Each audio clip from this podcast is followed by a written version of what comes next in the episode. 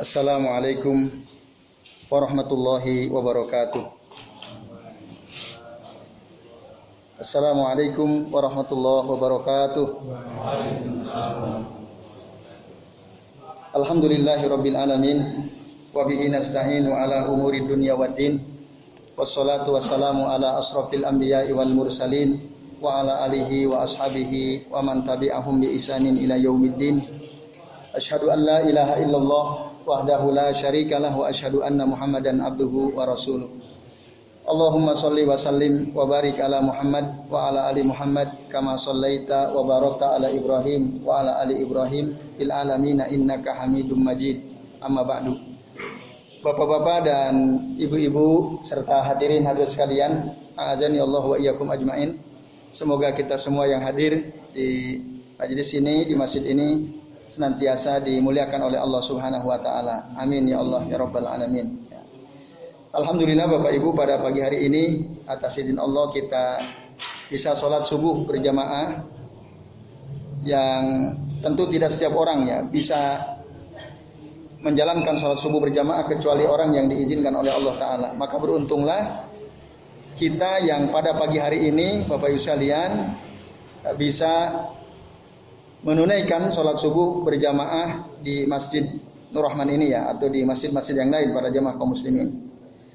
Pagi ini Bapak Ibu, insya Allah kita akan membahas tentang keagungan ya, pahala sholat subuh. Ya.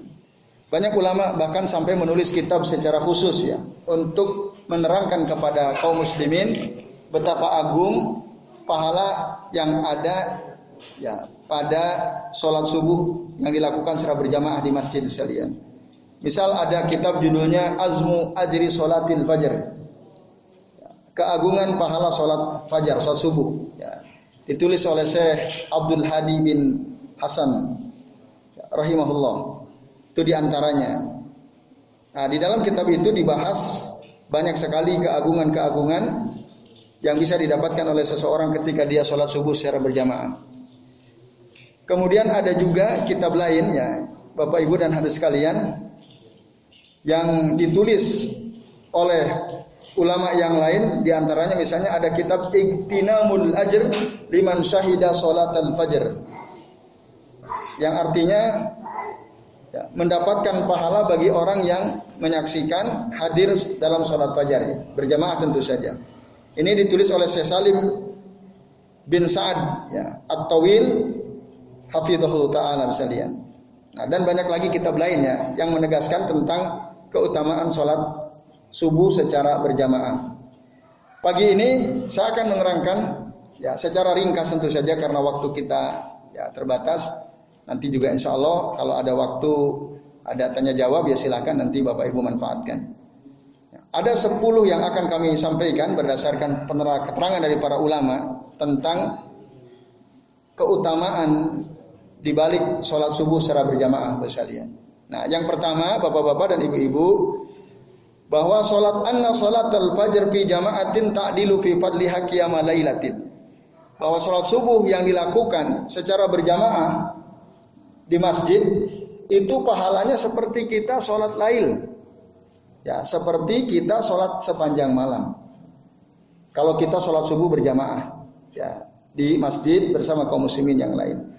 Nah ini berdasarkan hadis riwayat Imam Muslim dari Utsman bin Affan radhiyallahu anhu. Kata beliau, "Sami itu Rasulullah sallallahu alaihi wasallam." Aku pernah mendengar Rasulullah SAW bersabda kata Utsman. Apa kata Nabi? Man shallal isya'a fi jama'atin faka'annama qama nisfal laili. Barang siapa sholat isya berjamaah maka seakan-akan dia sholat setengah malam.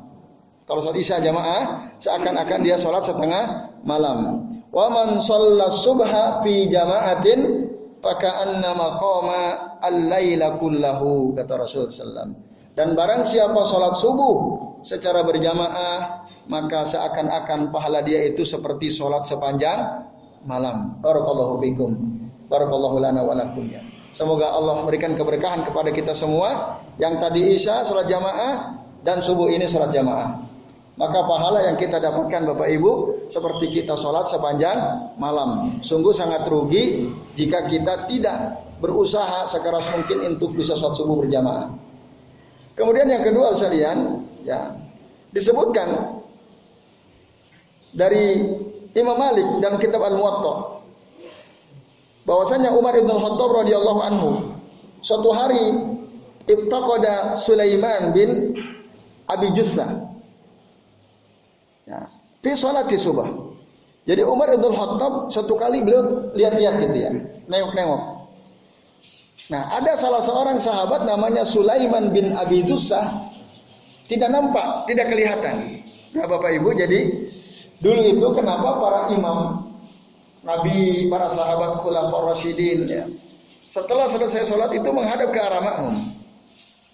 Sebenarnya salah satu fungsinya adalah untuk melihat siapa di antara para jamaah yang biasanya hadir. Nah, lalu kok tiba-tiba nggak hadir gitu. Itu fungsi salah satu hikmah kenapa imam dianjurkan untuk melihat kepada jamaah. Yang rutin tiap hari sholat subuh siapa? Sehingga imam tahu semua. Oh ada satu nggak sholat, imam tanya, si pulan ini ke mana? Biasanya hadir. Kalau sakit maka dijenguk. Ya, kalau ada keperluan jadi tahu kalau enggak ada apa-apa kok enggak kelihatan. Jadi kehilangan gitu mana kok si fulan enggak ada. Nah, waktu itu saat Umar bin Khattab radhiyallahu anhu jadi khalifah mengimami lalu melihat kok Sulaiman bin Abi Jusa enggak ada. Kehilangan Umar. Ke mana nih orang? Biasa sholat subuh jamaah ada. Maka Bapak Ibu, ya, pamarro ala asyafa umi Sulaiman faqala Maka akhirnya Bapak Ibu sekalian, ya Umar pun melewati rumah ibu dari Sulaiman tadi. Ibunya lalu kemudian ditanya oleh Umar, faqalalah, "Lam ara Sulaiman fi subah." Aku tidak melihat ibu Sulaiman waktu saat subuh tadi. Nah, apa kata ibunya? Faqalat ibunya bilang, "Innahu bata yusalli faghalabatu ainah." Sesungguhnya Sulaiman tadi malam dia sholat malam terus. Saat malam terus saking ini capeknya dia akhirnya ketiduran di saat malam. Pas subuh ketiduran, capek gitu. Nah, oh sekalian. Maka apa kata Umar?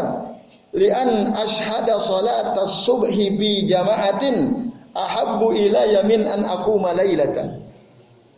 Kata Umar begitu. Aku menyaksikan hadir sholat subuh berjamaah itu lebih aku sukai daripada ya aku sholat sepanjang malam. Oh, itu ya. Ya orang sholat sunnah, sholat lail sepanjang malam, pas subuh enggak jamaah. Itu tidak lebih baik daripada orang yang dia mungkin tidak sholat lail, tapi dia sholat subuh jamaah. Itu lebih baik. Dan itu lebih disukai. Karena orang yang sholat subuh jamaah, dia dihitung oleh Allah seperti dia sholat sepanjang malam. Nah gitu. Jadi jangan sampai kita tertipu. Yang sunnah kita lakukan yang wajib kita tidak jamaah. Maka oleh karenanya Bapak Ibu ya, ini sayang tadi jamaahnya banyak yang pulang ya. Nah, mungkin nggak tahu kalau di langsung setelah zikir sebentar di mimbar barangkali ya. Nah, nah nanti bisa dilihat nanti di evaluasinya. Nah ini sekalian ya, itu yang pertama tentang keutamaan sholat subuh berjamaah. Ya, satu tadi dia seperti sholat sepanjang malam. Jadi kalau ada orang sholat lail semangat, subuh nggak jamaah. Wah lebih baik kita sholat subuh jamaah, walaupun kita tidak sholat lail. Nah ini bapak ibu dan sekalian. Yang kedua bapak ibu, sholat subuh berjamaah itu, nah kelak nanti akan menjadi cahaya bagi si pelakunya pada hari kiamat. Di hari yang sangat mengerikan. Ya, semua orang butuh syafaat, butuh bantuan dari amalnya, maka orang-orang yang selalu istiqomah menjaga sholat subuh jamaah akan ada cahaya pada dirinya sekalian. Ini berdasarkan hadis Nabi dari Sa'ad bin Sa'ad As-Sa'idi radhiyallahu anhu. Kata beliau, ya, kalau Rasulullah SAW, Rasulullah SAW bersabda, apa kata Nabi? Nah, beliau katakan, ya, basiril masyaina fi zulmi ilal masajidi bin nurit tami yawal qiyamah. Berikanlah kabar gembira kepada orang-orang yang berjalan di tengah kegelapan untuk menuju masjid-masjid dengan cahaya yang sempurna kelak nanti pada hari kiamat. Kalau dulu zaman Rasul tidak seperti kita aja. Bapak Ibu susah tuh. Isa subuh itu gelap. Sekarang banyak listrik kita terang. Dulu gelap. Dulu paling pakai obor. Kalau masih nyala, alhamdulillah kalau enggak habis minyaknya maka gelap. Maka barang siapa kata Rasul, orang yang berjalan di tengah kegelapan untuk menuju masjid, nah, maka beri mereka kabar gembira bin nurit tam yaumal kiamat dengan cahaya yang sempurna nanti kelak pada hari kiamat. Orang kesulitan, orang kegelapan, kita-kita insya Allah ya, yang istiqomah menjaga sholat subuh jamaah, terang, akan ada cahaya terang. Nah itu kata Nabi Sallallahu Alaihi Wasallam dalam hadis riwayat Ibnu Majah dan juga Ibnu Huzaimah. Juga disebutkan oleh Ibnu Al-Munzir dalam kitab At-Targhib wa Tarhib sekalian. Nah, lalu yang ketiga Bapak Ibu, anna salat al-fajr ma'al jama'atil ma'a jama'atil muslimin amanun wa hifdzum min Allah jalla jalaluhu lil abdi. Nah, lalu dari alladhi yakunu ba'da fi ta'ala wa hifdzihi wa riayatihi. Artinya orang yang menjaga salat subuh berjamaah bersama kaum muslimin, maka Allah akan jaga dia.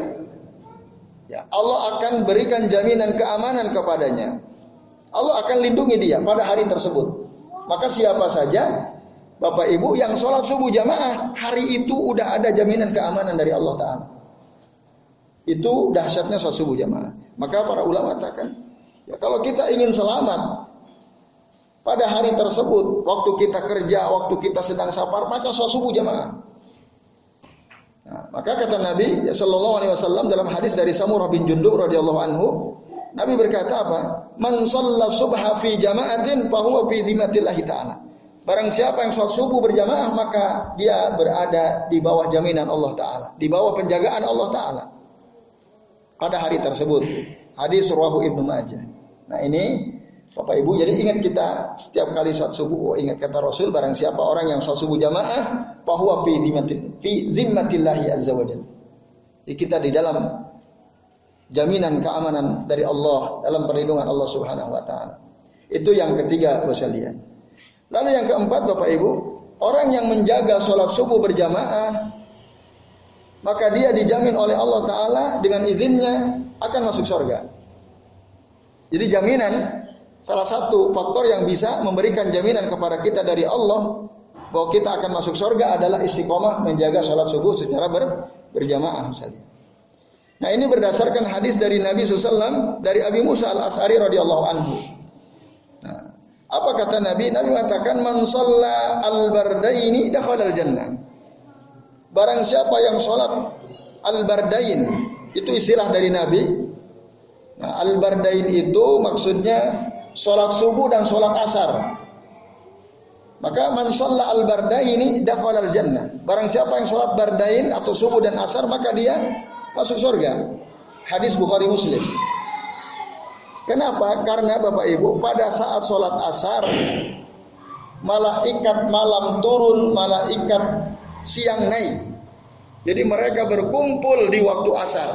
Maka dalam Al-Quran Rasul Allah Subhanahu Wa Taala berfirman, "Hafidhu ala salawati wa salatil wusta." Jaga oleh kalian sholat lima waktu, khususnya sholat wusta itu. Apalagi sholat wusta. Apa itu sholat wusta? Rasulullah SAW mengatakan sholatul asar. Sholat usta itu adalah sholat asar. Jaga kata Rasul. Jaga oleh kalian sholat lima waktu. Jaga oleh kalian sholat usta. Kenapa Rasul mengkhususkan sholat usta? Sholat asar. Karena di situlah tempat di mana para malaikat berkumpul Bapak Ibu. Cuman kita nggak lihat. Itu. Itu malaikat kumpul. Ganti sip. Kalau kerja kan ada sip malam, sip siang gitu ya. Nah, yang sip malam turun, sip siang naik. Dan subuh itu juga tempat berkumpul malaikat. Dalam Al-Quran Allah katakan, Akimis sholata liduluki syamsi ila ghasakil laili wa Qur'an al-fajr. Inna Qur'an al-fajri kana masyhuda. Dirikanlah oleh kalian sholat mulai dari tergelincir matahari sampai malam. Kemudian wa Qur'an al-fajr dan dirikan sholat fajar. Allah sebut Quran wa Quran al-fajr. Kenapa? Karena waktu sholat fajar, sholat subuh itu Rasulullah banyak membaca ayat Al-Quran. Bahkan dalam hadis katakan mabaina sintina ila mi'ati ayat. Antara 60 sampai 100 ayat Rasul biasa baca surah di dalam sholat subuh setelah Al-Fatihah. Diperpanjang. Maka disebut oleh Allah Quran Al-Fajr. nah Bapak Ibu, lalu Inna Quran al-Fajri kana mashuda kata kata Allah Subhanahu wa taala. Sesungguhnya sholat subuh itu disaksikan oleh siapa? Para malaikat. Gantian. Kalau asar malaikat malam turun, malaikat siang naik. Kalau subuh malaikat siang turun, malaikat malam naik. Jadi ganti sipnya itu antara asar dan subuh, Bapak sekalian. Nah, maka orang yang berusaha sholat jamaah di dua waktu tersebut jaminannya masuk surga kata Nabi berdasarkan hadis sahih Imam Bukhari dan Muslim sekalian. Kemudian yang kelima sekalian, Orang yang menjaga sholat subuh jamaah itu akan menjadi hijab yang akan menjadi pelindung penutup dirinya dari siksa api neraka. Jadi double ya. Jaminan masuk surga sekaligus akan menjadi hijab penutup atau penghalang dia dari siksa api neraka sekalian. Berdasarkan hadis dari Ammarah ya, Abi Zuhair Ammarah bin Ruwaibah radhiyallahu anhu annahu qala sami'tu Rasulullah sallallahu alaihi wasallam aku pernah mendengar Rasul sallallahu Yaqul beliau bersabda, apa kata Rasul? Nad lan lan yali jannara ahadun shalla qabla tulu'i syamsi wa qabla ghurubiha. Bapak Ibu, kalau kita ngerti bahasa Arab ini luar biasa ya. Ada kata lan di situ. Lan itu artinya harfun nafyin lil mustaqbali muabbada. Huruf yang fungsinya menafikan di masa yang akan datang dan itu selama-lamanya. Artinya lan yali jannara ahadun shalla. Tidak akan mungkin ya seseorang yang sholat ya tidak akan mungkin yali yali junnara tidak akan mungkin masuk ke dalam neraka sholat man sholat ahadun sholat orang yang sholat qabla tulu'il fajri wa qabla gurubiha Orang yang sholat maksudnya sholat jamaah sebelum terbit matahari dan sebelum terbenam matahari. Berarti sholat apa itu? Sebelum terbit matahari sholat apa? Eh, iya, sholat subuh. Dan sebelum tenggelam matahari berarti asar. Jadi orang yang sholat subuh jamaah, sholat asar jamaah, lan yali jannara. Tidak, tidak akan masuk ke dalam neraka. Hadis akhrajahu Ibnu Majah. Nah ini atau dalam hadis riwayat Imam Muslim juga sebutkan demikian. Nah itu yang kelima Ustaz ya. Yang keenam orang yang sholat subuh secara berjamaah. Yang oleh Allah sholat subuh tadi disebut Quran al-Fajr itu disaksikan oleh para malaikat dosa Maka dalam hadis dari ya Salah seorang sahabat Nabi SAW yaitu Abu Hurairah radhiyallahu anhu dia mengatakan Rasulullah SAW pernah bersabda apa kata Nabi yata'aqabuna fikum malaikatun bil laili wa malaikatun bin nahar wa yajtami'una fi salatil asri wa salatil fajr. Ya. Jadi para malaikat Bapak Ibu datang silih berganti malaikat malam dan malaikat siang. Mereka berkumpul pada saat sholat asar dan sholat fajar. Summa ya'rujul ladina batu fikum kemudian naiklah malaikat yang bertugas di malam hari di tengah-tengah kalian naik waktu subuh itu ke atas payas aluhumullah wa huwa a'lam lalu Allah bertanya kepada para malaikat yang tugasnya malam hari itu Allah sebenarnya udah tahu Cuman Allah ingin malaikat mengabarkan kepada Allah. Allah lebih tahu sebenarnya. Apa kata Allah? Kaifa taraktum ibadi? Bagaimana kalian wahai para malaikat malah meninggalkan hamba-hambaku? Fayaqulun lalu para malaikat itu berkata kepada Allah, taraknahum yusalluna. Kami meninggalkan mereka ya Rabb waktu kami tinggalkan mereka sedang sholat berjamaah sesubuh. Itu malaikat malam naikkan. Dan kata mereka wa atainahum yusallun. Dan waktu kami datang sore itu juga mereka dalam keadaan sedang sholat. Itu laporan malaikat kepada Allah tentang hamba-hambanya yang selalu menjaga sholat asar dan subuh berjamaah. hadis Rawah al Bukhari, hadis sahih saya. Itu yang keenam. Nah, yang ketujuh Bapak Ibu, orang yang semangat sholat subuh berjamaah di masjid, maka dia akan terbebas dari sikap nifak atau munafik. Nah, ini ya. Nauzubillahi min dzalik. Kita berlindung kepada Allah dari sifat munafik itu Ustaz ya. Nah, hadisnya disebutkan oleh Abu Hurairah kata beliau, Nabi pernah bersabda, "Asqalu salat, ya, asqalu salati 'alal munafiqin, salatul isya wa salatul fajr." Salat yang paling berat bagi orang munafik itu Bapak Ibu ada dua, yaitu salat isya dan salat subuh. Lalu kata Nabi, ya, walau ya'lamuna ma fihima seandainya mereka tahu apa pahala yang ada pada dua sholat subuh dan isya berjamaah itu la atauhuma walau habwa. Mereka pasti akan hadir berusaha meskipun merangkak Bapak Ibu. Kalau kalau dia tahu nah sayangnya kita nggak tahu kan nggak dijelaskan. Tapi itu pahalanya besar sekali artinya sekalian Nah itu kata Nabi SAW. Ya, jadi kalau orang munafik itu tahu, kita semua tahu, maka semua akan berusaha walaupun merangkak datang ke masjid. Hadis Rawi Al Bukhari wa Muslim. Makanya kita lihat di beberapa negara itu ada orang beliau buta sampai-sampai dari rumahnya ke masjid itu pasang kali. Barangkali Bapak Ibu pernah ada lihat video ya. Itu beliau berusaha ya untuk jamaah subuh. Ya, bahkan lima waktu. Ada anak muda Ya Rob, tidak sempurna. Ya, cacat. Kalau jalan susah gitu ya. Tapi dia berusaha untuk terus menjaga sholat jamaah. Kita kadang malu itu saliannya. Kita yang sehat sempurna seperti ini melihat orang-orang yang oleh Allah diuji dengan ketidaksempurnaan tubuhnya, tapi mereka semangat untuk sholat berjamaah. Ya, subuh di antaranya dan yang lain-lain. Nah, ini Bapak Ibu sekalian. Nah, dulu Ya. Dikatakan kata Abi Ubay bin Ka'ab radhiyallahu anhu, ya, sallan Nabi sallallahu alaihi wasallam salat subah. Summa qala, asyhida fulanan as-salat. Satu kali Rasul salat subuh sekalian. Rasul lalu tanya, "Eh si fulan ada enggak salat subuh?" Qalulah, si fulan enggak ada. Faqala fa fulan, kalau si fulan ada enggak? Faqalulah, enggak ada juga. Nah, Bapak Ibu, Rasul itu beliau kalau ragu-ragu tentang keimanan salah seorang dari orang yang ikut gabung bersama beliau, Rasul akan cek mereka sholat subuh. Nah, Rasul ragu, si ini betul-betul mukmin Islam atau tidak. Maka Rasul akan cek dia subuhnya ada atau tidak. Betul dicek sama Nabi. Eh si fulan ada enggak? Enggak ada ya Rasul. Si enggak ada. Rasul jadi mantep. Nih orang berarti dia munafik. Nah, itu sekalian.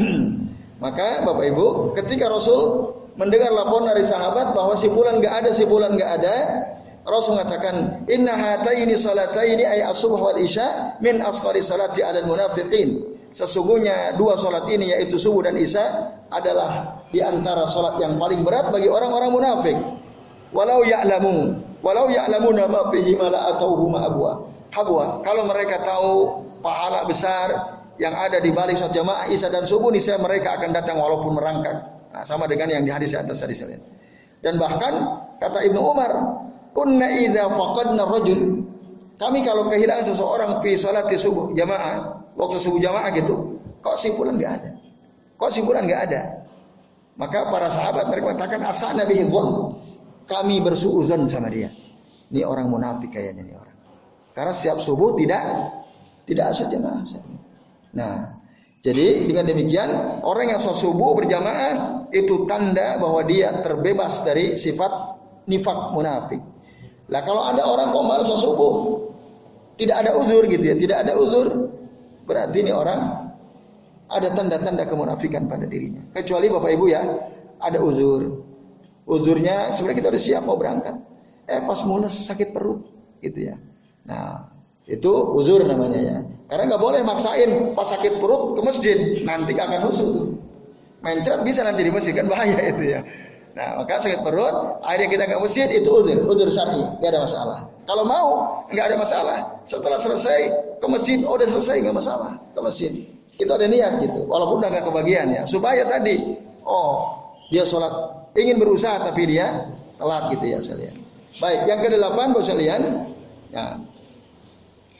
Orang yang sholat subuh jamaah 90 persen, ya, atau kemungkinan besar orang ini pada hari tersebut dia akan bersih hatinya dan semangat hidupnya. Jadi Bapak Ibu, Pak Wanto karena mau menyiapkan pengajian TPA jadi beliau izinnya. Bapak Ibu, orang yang sholat subuh jamaah itu ya sebagian mengatakan bisa dipastikan itu orang hidupnya hari tersebut akan semangat, hatinya bersih, hatinya bersih, semangat hidupnya. Tapi sebaliknya kalau dia nggak jamaah, malas-malesan, bisa dipastikan ada hari tersebut dia akan malas dan hatinya jadi kotor. Kenapa? Karena kata Nabi Usalian dari hadis Abu Hurairah radhiyallahu anhu. Rasulullah mengatakan, "Yaqudu syaitanu ala qafiyati ra'si ahadikum idza huwa nama salasu uqad." Yang artinya, Bapak Ibu, syaitan itu akan duduk di tengkuk kepala kita.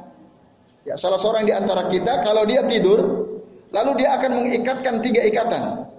Setiap kita itu ada syaitan duduk ya di tengkuk kepala kita lalu dia ikat. Ada tiga ikatan, salah suukan. Ya deribu ala makani kulli uqdatin alaika lailun tawil farqud. Di setiap ikatan itu Bapak Ibu, ya, ada kalimat-kalimat syaitan yang berbunyi, "Eh, malam masih panjang, tidurlah." Malam masih panjang, tidurlah. Jadi syaitan bilang begitu, "Malam masih panjang, tidur." Supaya apa? Kita enggak jamaah ke masjid. Nah, tapi kata Nabi, Pak ini stayqadha. Kalau dia terbangun, seseorang itu terbangun, fazakarullaha in uqdah. Lalu dia berzikir. Ya, berdoa kepada Allah taala, alhamdulillahilladzi ahyana ba'dama amatana wa ilaihin nusyur. Segala puji bagi Allah yang telah menghidupkan kami setelah mematikan kami dan kepada dialah kepada Allah lah kita akan kembali. Kita baca doa itu bersalian maka terputus dosa itu. Tapi kalau cuma bangun toh gini-gini baca HP, WA, terus nanti ngantuk lagi. Nanti saya akan bilang lailun tawil farkun. Malah masih panjang tidur nanti dan saya sudah coba itu. Bangun ya doa tapi baca WA benar tidur itu. Saya sendiri pernah mengalami itu ya sekalian. Nah, tapi kalau kita bangun berdoa setelah itu langsung wudhu. Jadi jangan selingi dengan yang lain, ya langsung wudhu dulu. Maka kalau dia wudhu, fa'in tawaddu'a in halat ukdah. Kalau dia langsung wudhu maka terlepaslah satu ikatan yang kedua. Fa'in sholat, lalu kalau dia kemudian sholat in halat ukdatan fa asbaha nasyiton tayyiban nafas bangun doa, langsung wudhu, langsung sholat, udah sholat dulu. Berapa rakaat terserah, dua rakaat silahkan. Maka seluruh ikatan syaitan itu akan terlepas di kepala kita sekalian. Dan keesokan harinya kata Nabi, ya maka dia akan menjadi nasyitan tayyiban nafas. Semangat hidupnya, hatinya bersih hatinya. Hadis rawahu al-Bukhari. Memang para ulama mengatakan yang dimaksud sholat di sini adalah sholat sholatul lail. Bayangkan untuk sholat sunnah aja seperti itu. Lalu bagaimana kalau kita untuk sholat subuh? Nah, itu mafhumnya begitu. Maka tadi dia kalau sholat sunnah asal dia tidak tamuk tadi ya, tidak berlebihan seperti Sulaiman bin Abi Dusa tadi, dia habiskan malam untuk sholat lail. Tapi kalau kita hanya dua rakaat, empat rakaat, sebelas rakaat, kita masih kuat ya. Sholat jamaah subuh Nah, maka nanti Pak asbahana syaitan thayyiban nafas. Besoknya hidup dia akan semangat, hatinya bersih. Nah, itu sebenarnya Bapak Ibu yang kalau ada dan terikat, saya malas terus ya tiap hari kenapa ya? Tipsnya sholat subuh aja maaf. Sholat lailah meskipun dua rakaat. Itu, itu pasti semangat. Dan saya merasakan betul memang begitu saya. Tidak ada capeknya tuh kalau kita sholat lailah. Ya, Selama kita tidak berlebihan tadi ya. Kalau pas bangun kita di sepertiga malam terakhir, terus subuhnya jamaah, itu semangat. Banyak aktivitas kegiatan bisa beres semua itu. Nah, tapi kalau enggak, males pengennya istirahat terus saja. Nah, itu semoga kita senantiasa ya mengamalkan ini. Ya, jadi pas bangun langsung baca doa, langsung wudhu, langsung sholat berjamaah sholat subuh. Nah ini bapak ibu dan sekalian. Nah kemudian di sembilan, semua ada sepuluh ya. Orang yang sholat subuh jamaah, kalau dia bangunnya beberapa menit lah, katakanlah 15 menit sebelum subuh. Bapak Ibu kira-kira dia bisa sholat sunnah fajar atau tidak? Sholat sunnah qobla subuh bisa atau tidak? Bisa. Itu keuntungan luar biasa. Orang yang berusaha untuk sholat subuh jamaah sehingga dia bangun, nah, maka dia kemungkinan besar akan bisa melaksanakan sholat sunnah fajar yang pahalanya kata Rasul khairun minad dunya wa ma Itu lebih baik daripada dunia dan se seisinya. Bapak Ibu dan hadirin sekalian, azan ya Allah wa iyyakum ajmain. Nah, bahkan dalam riwayat Imam Muslim katakan lahuma ya, maka dua rakaat salat sunnah fajar itu ahabbu ilayya minad dunya. Kata Nabi, itu lebih aku cintai daripada dunia. Wa ma fiha dan semua apa yang ada di dunia itu lebih aku sukai dua rakaat itu. Nah, kemudian dalam hadis yang lain misalnya riwayat Al-Taurani dikatakan man tawaddu summa atal masjidah. Barang siapa yang wudu di rumah. Kemudian dia datang ke masjid. Fasallah ini qabla al-fajr, dia salat dua rakaat sebelum fajar sebelum subuh, summa jalasa hatta yusalli al-fajr. Kemudian dia duduk sambil menunggu iqamah, lalu dia salat fajar, kutibat salatuhu yauma idin salatul abrar, maka pada hari itu salat subuhnya dicatat oleh taala oleh Allah taala sebagai salat orang-orang yang abrar, ahli kebaikan, al-abrar sekalian. Wa kutiba fi waktu rahman dan dia dicatat sebagai utusan Allah zat yang maha rahman. Hadis roh atau berani. Nah ini besalian azan ya Allah wa Terakhir yang sepuluh besalian orang yang subuh jamaah ya berarti dia telah melakukan wasiat Nabi. Wasiat para sahabat radhiyallahu anhum ajmain. Nabi SAW. Kenapa? Karena kata Abu Darda radhiyallahu anhu ya besalian hina hadaratu al-wafat. Saat dia sedang syakaratul maut Abu Darda. Abu Darda pernah berpesan ya kepada orang-orang yang ada sekitar beliau uhaddisukum hadisan sami'tuhu minan nabiyyi sallallahu alaihi wasallam. Aku akan sampaikan kepada kalian ya sesuatu yang aku dengar dari Nabi SAW apa yang didengar oleh Abu Darda aku mendengar Rasul pernah bersabda. Apa kata Nabi? Man istata'a minkum an yas an yashhada salataini al isya wa subh walau habban walau habwan falyaf'al. Ya, yang artinya barang siapa di antara kalian mampu untuk datang menghadiri sholat dua, dua sholat yaitu isya dan subuh jamaah, maka sekalian walaupun dia harus berangkat, lakukanlah itu. Itu wasiat dari Abu Darda kepada sahabat yang ada waktu itu. Dan begitulah juga wasiat Nabi kepada para sahabat. Hadis rawahu at-Tabrani dalam kitab Sunan Al-Kabir. Nah, inilah dia Bapak Ibu dan sekalian ya. Di antara fadilah keutamaan dan azimu ajri salati subuh besarnya pahala salat subuh. Nah, saya kira demikian ya. Semoga Bapak Ibu kita semua yang hadir yang mendengarkan hadis-hadis Nabi disampaikan di pagi hari ini kita semakin semangat ya untuk berusaha gimana caranya kita selalu bisa sholat subuh berjamaah. Amin ya rabbal alamin. Jadi saya kira demikian Bapak Ibu apa yang bisa kami sampaikan. Ini jam 5 lewat 38. Kalau waktu suruk sudah, sudah ya. Kalau waktu suruk itu pada pagi ini kalau soal suruk sekalian ya. Uh, sebentar saya lihat di aplikasi. Ada nggak waktu suruk ini? Gak ada ya. Suruk itu hari ini terbit matahari jam 5 lewat 38. Ya pas ini ya. Tapi nggak boleh kan matahari terbit kita nggak boleh langsung sholat. Tunggu 10 sampai 15 menit. Nah ini monggo barangkali sambil nunggu waktu sholat surut sekalian di antara bapak ibu ada yang mau bertanya kami persilahkan. Ya silahkan mas Abdul. Nah, ada sholat?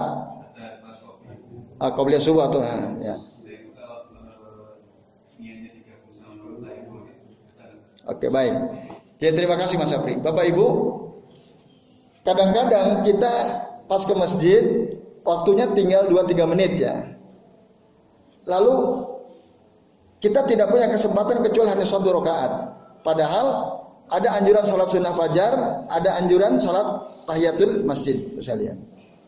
Nah maka Bapak Ibu dalam seperti itu, boleh nggak kita menggabung dua waktu sholat bersamaan? Sebagian ulama mengatakan kalau itu sama-sama sholat sunnah boleh. Ya, jadi sholatnya dua rakaat tapi sekaligus sholat tahiyatul masjid dan niatnya untuk sholat sunnah fajar. Qobliyah subuh itu maksudnya. Ya, jadi itu dibolehkan. Bapak Ibu dan hadis sekalian. Ada yang mengatakan ya sendiri-sendiri. Maka kalau keadaan seperti itu, udah niatkan sholat sunnah fajar. Kenapa? Karena paling sedikit kesempatannya. Kalau sholat sunnah tahiyatul masjid kan banyak kesempatan. Nah maka dalam keadaan begitu, yang mengatakan gak boleh digabung, maka sholat niatlah sholat sunnah fajar. Itu karena dengan alasan kesempatannya lebih sedikit daripada sholat sunnah tahiyatul masjid. Ya, Bapak Ibu, sholat sunnah suruh nanti ini sebentar lagi ya. Pahalanya apa kata Nabi? Ah, kutibalahu ajruhu ka ajri hajin wa umratin tamatan tamatan tamatan hajatuhu wa umratuhu. Sama seperti pahala orang yang haji dan umroh sempurna, sempurna, sempurna haji dan umrohnya. Cuma dua rakaat sunnah fajar. Nah, sayang kalau kita tidak manfaatkan Ji. Ya, nanti insya Allah sebentar lagi kita akan uh, sholat suruh masing-masing nanti dua rakaat. Ya itu Mas Abri, Allah alam biswa. Masih ada Bapak Ibu yang mau ditanyakan terkait dengan pembahasan ini atau juga bisa yang lainnya. Jika kami mampu menjawab nanti akan dijawab.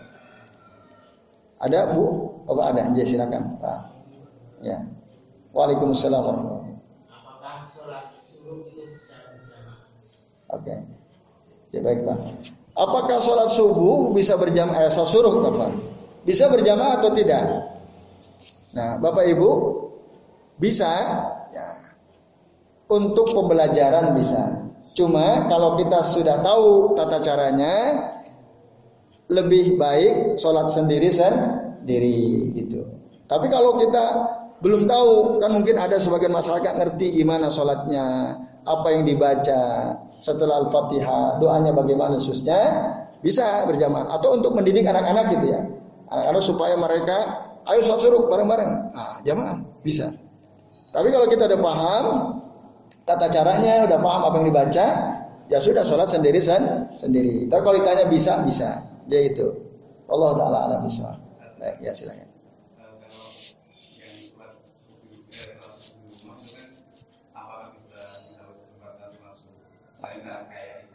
Ah, ya, ya. Jadi baik misalnya. Lalu bagaimana dengan orang yang sholat subuhnya di rumah? Ya. Bapak Ibu dan sekalian, ada khilaf di antara para ulama. Kalau kita kembali kepada hadis riwayat Imam At-Tabrani, disebutkan misalnya dalam kitab Bughyatul Mutatawi fi Sholatit Tatawu, saya Al-Bazamul rahimahullah mengatakan, di situ ada riwayat, dua riwayat beliau sampaikan riwayat Imam At-Tabrani. Nabi SAW mengatakan man subha jama'atan fil masjid summa yathbutu fihi yazkurullah azza wa jalla hatta yatlu as-sams summa yusalli rak'ataini nah kutiba lahu ajruhu ka ajri hajin wa umratin tamatan tamatan tamatan hajjatuhu wa umratuh kalau kita kembali kepada hadis ini dari Tabrani Rasul mengatakan barang siapa yang sholat subuh jamaah di masjid. Lalu kemudian dia duduk di tempat itu, di masjid tersebut sampai terbit matahari. Kemudian dia sholat dua rakaat. Ya, ada yang di dalam riwayat yang lain sabahat duha. Ya, dia dua dua rakaat di awal waktu duha, yaitu sholat suruh ini tadi, maka dicatat baginya pahala seperti pahala haji dan umroh sempurna sempurna sempurna pahalanya. Kalau kita merujuk pada hadis ini, para ulama ya memberikan batasan. Sholat duha dan sholat suruk ada bedanya. Walaupun sebenarnya sholat suruk itu adalah sholat yang dilakukan di awal waktu duha. Jadi awal waktu duha itu memang setelah terbit matahari. Nanti dalam hadis yang lain ada penjelasan. Hatta tertafi'a qadara romhin. Sampai matahari naik kira-kira satu tombak. Satu tombak. Jadi pas terbit pertama kali itu nggak boleh, bahkan haram kita sholat. Tunggu sampai naik kira-kira satu tombak. Naiknya dari tempat terbit satu tombak itu Ya. Ada yang mengira-ngira itu sekitar 10 sampai 15 menit lah. Itu. Nah, baru boleh sholat. Nah, di dalam hadis tadi sholat subuh jamaah di masjid. Lalu zikir ya, duduk sama ini termasuk zikir Mas Kita majelis ilmu seperti ini bagian daripada zikir. Kita ya mendengarkan hadis-hadis Nabi, ayat-ayat Allah Subhanahu wa taala bagian daripada zikir. Lalu terbit matahari, tunggu sampai naik kira satu tombak, sholat rokaat, sholat isyrok, sholat suruh atau sholat isyrok. Nah bagaimana lalu dengan ibu-ibu kaum wanita yang sholatnya di rumah? Basalian. Sebagian ulama mengatakan karena seutama-utama sholat bagi wanita itu di rumah, nah maka tentu mereka tetap punya kesempatan untuk itu. Walaupun tidak di masjid. Dengan catatan setelah dia sholat subuh, dia zikir. Jangan sampai habis sholat subuh dia tidur lagi. Nyuci piring gitu ya. Sarapan. Ah, ini waktu surga enggak. Dia harus zikir gitu. Cara caranya begitu caranya. Kalau para kaum ibu wanita yang di rumah ingin dapat kesempatan sholat sunnah apa? Aja. Nah, jadi bisa Mas Apri, antum bisa sampaikan ke isi antum. Kalau ingin dapat pahala pahala haji umroh sempurna, nah jenengan habis sholat subuh zikir dulu eh anaknya nangis, ya digendong sambil zikir kan bisa gitu ya. Nanti pas terbit tunggu sebentar baru subuh. Ada yang mengatakan bisa. Ada yang mengatakan ya yang terbaik tentu di masjid. Ibu-ibu ke masjid sekalian itu pahalanya 27 kali derajat 20 derajat lebih baik daripada sholat sendiri di rumah. Tapi dengan 34 syarat. Ibu-ibunya, alhamdulillah di sini ramai nih ibu-ibu tadi. Saya lihat ya, penuh belakang. Sholat subuh jamaah. Tapi yang untuk sholat suruh sebagian ya. Semoga ibu-ibu yang belakang insya Allah kita bisa sholat suruhnya. Bu, ini khusus ibu-ibu ya. Ke masjid, sholat jamaah di masjid pahalanya 27 kali 27 derajat lebih baik daripada kita sholat di rumah sendirian. Nah, tapi dengan empat syarat. Makanya harus mengatakan la tamna'u iba la tamna'u ama ima Allah masajid Allah. Janganlah kalian wahai para laki-laki kaum suami, jangan kalian larang istri-istri kalian hamba-hamba Allah untuk sholat di masjid-masjid Allah. Suami tidak boleh melarang istrinya untuk sholat berjamaah di masjid. Tidak boleh kata Nabi SAW. Dengan catatan terpenuhinya empat syarat. Para ulama mengatakan ada empat syarat suami tidak boleh melarang istrinya ke masjid. Dan empat syarat yang kalau dipenuhi ibu-ibu maka sholat di masjid lebih baik. Kalau tidak lebih baik di rumah aja, nggak usah ke masjid. Satu apa? Syarat pertama yaitu wairu mutazanniyat. Tidak pakai perhiasan.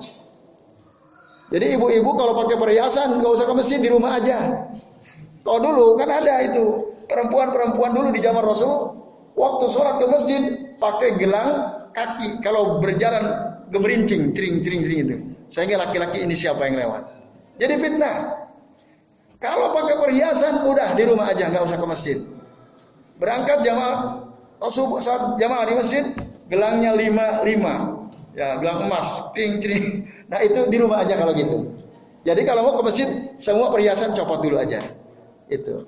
Yang kedua wairu mutabarrijat. Tidak bersolek bapak ibu. Ibu ibunya mau ke masjid masya Allah. Pipinya merah merona. Bibirnya ya merah sekali terlihat sangat cantik gitu ya. Ke masjid usah jamaah begitu, bersolek. Itu jadi fitnah. Lebih baik di rumah kalau begitu. Nah, kalau mau ke masjid tidak perlu pakai make up, pakai lipstick dan sebagainya. Tidak usah bersolek. Nah, cukup apa adanya, pakai uh, uh, apa pakaian yang bersih ya sekalian. Itu yang kedua syaratnya, tidak bersolek. Yang ketiga syaratnya Bapak Ibu, ya, ghairu mutatayyibat tidak pakai minyak wangi yang mencolok. Yang apabila ibu lewat, orang udah 10 meter, wanginya masih tercium. Hmm, Masya Allah, si ibu ini wangi banget. Nah itu nggak usah. Tapi kalau pakai minyak wangi yang wanginya itu lembut, yang tidak bisa ada orang mencium minyak wanginya kecuali orang yang paling dekat dengan dirinya itu boleh. Nah itu boleh usah lihat. Karena kata Nabi, khairu tibir rijali ma zuhara rihuhu wa khufiya launuhu wa khairu tibin nisa ma zuhara uh, launuhu wa khufiya rihuhu. Sebaik-baik minyak wangi laki-laki itu yang ini apa aromanya kuat laki-laki. Bapak-bapak nih pada pakai minyak wangi atau tidak? Ada yang pakai minyak wangi? Ya, kadang-kadang justru bapak-bapak gak peduli ya. Bapak-bapak gak peduli. Harusnya bapak-bapak itu yang kalau pakai minyak wangi yang wangi mencolok ya. Kalau punya uangnya beli itu minyak wangi yang di Paris tuh ya. Nah kami selalu bawa ini, cuman harganya murah, jadi yang bisa mencium yang deket aja, yang jauh gak, gak ini ya. Nah kami selalu berusaha, karena ini min sunnati Rasulullah SAW. Emang kalau punya uang beli yang mahal, yang apabila kita lewat, wah orang udah tahu, wah harum sekali. Itu bapak-bapak harusnya. Nah maka yang anggarkan tuh beli minyak wangi itu misalnya, ya. Dan Ibnu Qayyim mengatakan minyak wangi itu Bapak Ibu itu menyehatkan jin syaitan akan menjauhi orang yang wangi. Itu menyehatkan. Nah, sebaliknya kalau dia bau, syaitan jin senang mendekat, malaikat menjauh. Makanya kata Rasul, orang yang makan bawang jangan dekat-dekat masjid kami karena malaikat juga akan tersakiti. Nah, ini ya bahasanya. Jadi itu untuk bapak-bapak yang kuat aromanya, lembut warnanya. Ini lembut warnanya, tapi aromanya nggak kuat karena murah ini ya. Ya. Itu kalau ada sih yang kuat. Ibu-ibu boleh Nah, sebaik-baik minyak wangi ibu-ibu itu khairu tibin nisa kata Nabi yang warnanya mencolok tapi khufiya rihuhu. Tapi aromanya itu lembut tadi. Maksudnya nggak nggak tercium oleh orang lain kecuali orang yang paling dekat dengan dirinya. Jadi boleh ibu-ibu pakai minyak wangi asal yang tadi wanginya tidak mencolok. Nah ini Bapak Ibu sekalian. Itu yang ketiga. Syarat terakhir Bapak Ibu. Nah ini jawab waktunya suruh juga. Guairu maksufatil aurat tidak terlihat auratnya bu, ibu-ibu ya khususnya ini. Kalau panjenengan mau sholat jamaah ke masjid, jangan perlihatkan aurat panjenengan. Tapi biasanya ibu-ibu itu sebagian ya, walaupun tidak semua. Saya sering melihat ibu-ibu ke masjid, rukuhnya kan takut nyeret-nyeret terseret kena tanah kan. Akhirnya apa yang dilakukan biasanya oleh ibu? Di jinjing, ya kan? diangkat rukuhnya, pahanya kelihatan, apa betisnya kelihatan ke mana mah? Mana? Ada nggak bu yang kayak gitu bu? Ada ya? Yang kayak gitu ada tuh. Nah, kalau gitu udah di rumah aja. Kecuali kalau umur panjenengan sudah 85 ke atas itu boleh silahkan ya. Udah keriput-keriput orang nggak tertarik ya silahkan. Tapi kalau masih muda, usia di bawah 60 tahun, itu jangan angkat rukuh panjenengan yang bisa menyebabkan nanti aurat jenengan terlihat. Betis jenengan terlihat. Itu kalau begitu di rumah aja, nggak usah ke masjid bisa. Itulah dia empat syarat. Masih ingat ya? Satu apa tadi? Tidak pakai perhiasan, tidak pakai minyak wangi, tidak bersolek, dan tidak kelihatan auratnya. Kalau ini terpenuhi seutama-utama sholat ibu-ibu di masjid. Tapi kalau nggak bisa memenuhi empat syarat ini di rumah aja, itu lebih baik. Oke, baik Bapak Ibu, saya kira cukup ya. Ini sudah jam 5 lewat 53. Nah, ini sudah 15 menit pas ya. Dari tadi waktu terbit jam 5.38. Terima kasih atas perhatian kalian. Semoga bermanfaat. Sebelum pulang ke rumah kita manfaatkan waktu untuk sholat surut dua rakaat. Setelah Al-Fatihah baca Al-Kafirun boleh, Rokat kedua Al-Fatihah baca Al-Ikhlas boleh atau surah yang lain yang menurut Bapak Ibu gampang gitu ya. Demikian mari kita akhiri dibaca doa kafaratul majlis. Subhanakallahumma wa bihamdika asyhadu an la ilaha illa anta astaghfiruka wa atubu ilaik. Wa sallallahu ala. Wassalamualaikum warahmatullahi wabarakatuh.